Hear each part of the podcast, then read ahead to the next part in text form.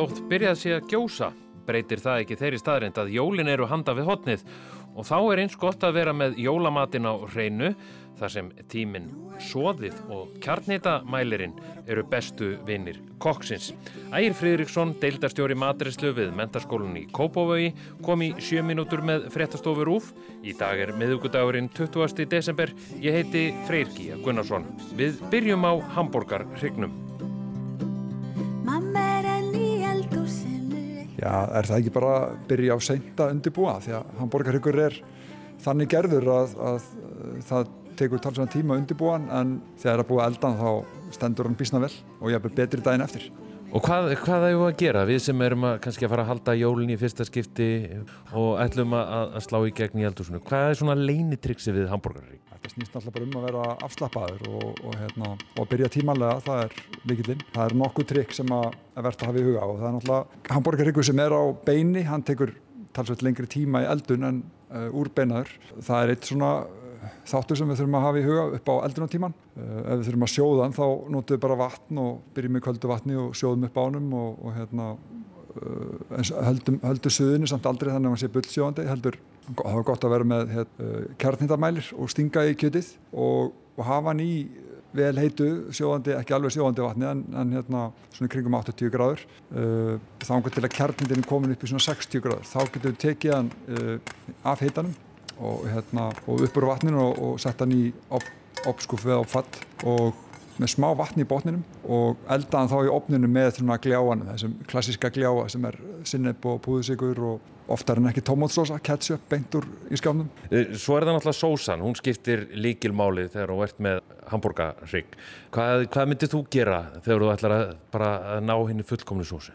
Ef ég var að gera fullkomnu sósu þá myndi ég nota vel að laug, uh, myndi nota rauðvín og svo væri náttúrulega leini uh, ráfnið í sósuna væri sóði sem að uh, hambúrgarhyggurinn er eldar í opninum, ekki sem er sóðin í pottinum, heldur það sem að karmela séðast í botninum og pottinu þegar að hann er kláraðar í opninum með, með hérna, sinneps og, og púðsíkus gljáunum og, og þá kemur rosalega svona djúft bragð af hambúrgarhygg og, og svona karmelu og, og hérna gefur oft bara svona besta kraftin. Ámar að taka bara hambúrgarhyggin út úr ofninum og, og bera hann bara strax fram og skera hann eða? Eh, það er eitt af mistökunum sem fólk gerir er að taka kjötið beint úr ofninum, kannski 200 gráða heitur ofn, uh, gljáin sem við setjum utan á sem er mestuleiti sigur er ekki mikið kaldar enn opnin sjálfur þannig að hérna, eins og gefur að skilja að auðvitað brenna sig honum þannig að það er bara fyrir alla að, að láta kjöti standa vegna er kannski bara ennþá mikilvægur að vera tímanlega því að hambúrgarkur þólir alveg að vera tilbúin klukkutíma áður borðmann eða jafnvel tveimur. En svo er það nú eitt sem að, að hérna, margir kvíða fyrir og það eru brúnuðu kartöflunar. Þetta vefst fyrir bísnamörgum. Hver eru svona algengust mikstökin og, og hvernig getur maður komist í að því að gera þau? Það er náttúrulega að nota ofmikinn hýta til að bræði sigurinn og flestir nota ekkert vatn á pönnuna, setja bara sigurinn á og, og svo þegar sigurinn fyrir að bræðna og, og ef, ef að hýtin er of hár þá byrjar hann að brenna undir þessar hrúi sem að setjum á pönnuna og, og þá er erfitt að fylgjast með svona réttu brúningastígi á sigurinnum og þá fara margir að fresta til að hræra í karmelinni þá kristallast hún oftar en ekki og, og verður bara einni steipu í, í hérna, pönnunni og áframhaldi verður mjög erfitt. Þetta snýst um að vera haugrakur og enn og aftur að vera tímanlega, ekki gera þetta stressi því að það, það er svona uppskrift af mistökum. Það er gott að nota bara lágan hita, setja sigurinn á pönnuna og ef maður notar það gamla ráðið það setja bara hrú á miðina og, og láta hann bráðna og þá það nær maður svona jafnari brúninga á sigurinn og maður nær að fylgjast betur með og svo líka hægt að setja smá vatn í pönnuna og hérna, nota vatni til að leysa upp sigurinn og, og svo þegar sigurinn síður þá verður hann alveg glær og við sjáum hérna, hvernig brúningin er og svo náttúrulega að nota svarta pönnu, það er ekki góð hugmynd til að greina rétta litin af, af, hérna, af karmelu. Svo jóladag, þá er komið að hangi getinu og uppstofnum og Það er ekkert einfalt að búa til góðan uppstúf. Hvað getur við gert þess að koma í veg fyrir að, að, að hann klúrist ekki? Hérna, algengast er að hann brenni við. Uh, hann getur líka verið of þykkur eða of þunnur. Getur líka verið uh, kekkjáttur eða allt saman bara í einu. Þannig að hérna, uh, besta ráðið er náttúrulega að kynna sér svona hvað þarf mikið magn af smjöri og kveiti í byrjun af því að fólk setur oft bara slakta smjör og slakta kveiti pott og Þannig er uppskriftin frá ömmu sko, það er setja slatt á smjöru og slatt á kveiti.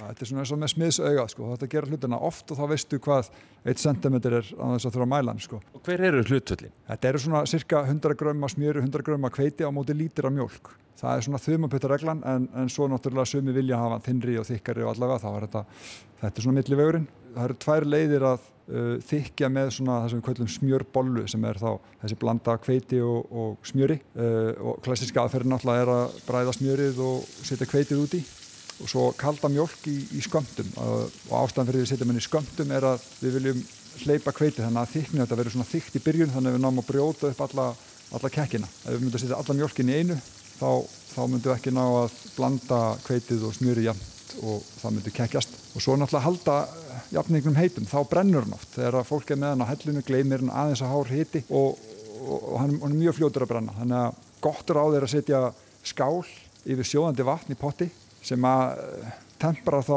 hitan frá hellunni og, og heldur hann bara svona vel heitum en, en án þess að hann að hætta að brenna. Svo er það kalkúnin. Er það alveg líkilatrið að setja kalkúnin í, í saltpækil? Myndi ekki segja að það væri líkil atrið en að því við erum að tala um sko einhver, einhver triks þá er þetta náttúrulega gott triks að, að hérna, setja hann í saltpækil og það gerir það verkum að, að kjöti verður mígra og safaríkara og, og bræð meira, veist, er náttúrulega salt hefur áhrif á bræðið, en hérna þóli betur lengri eldur þó að eldir aðeins þá mikið þá verður hann ekki alveg skröfaður.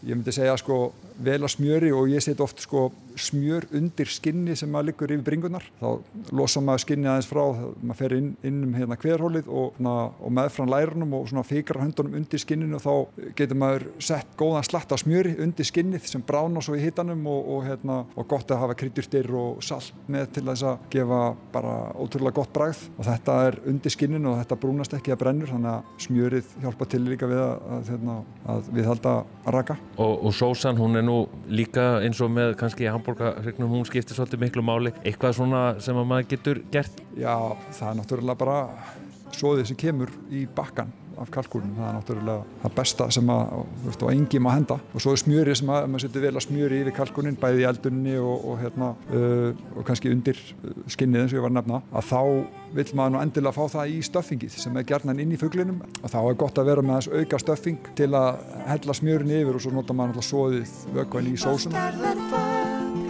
Þetta voru sjö mínútur með fréttastofur úf. Næsti þáttur verður á förstu dag veriði sæl.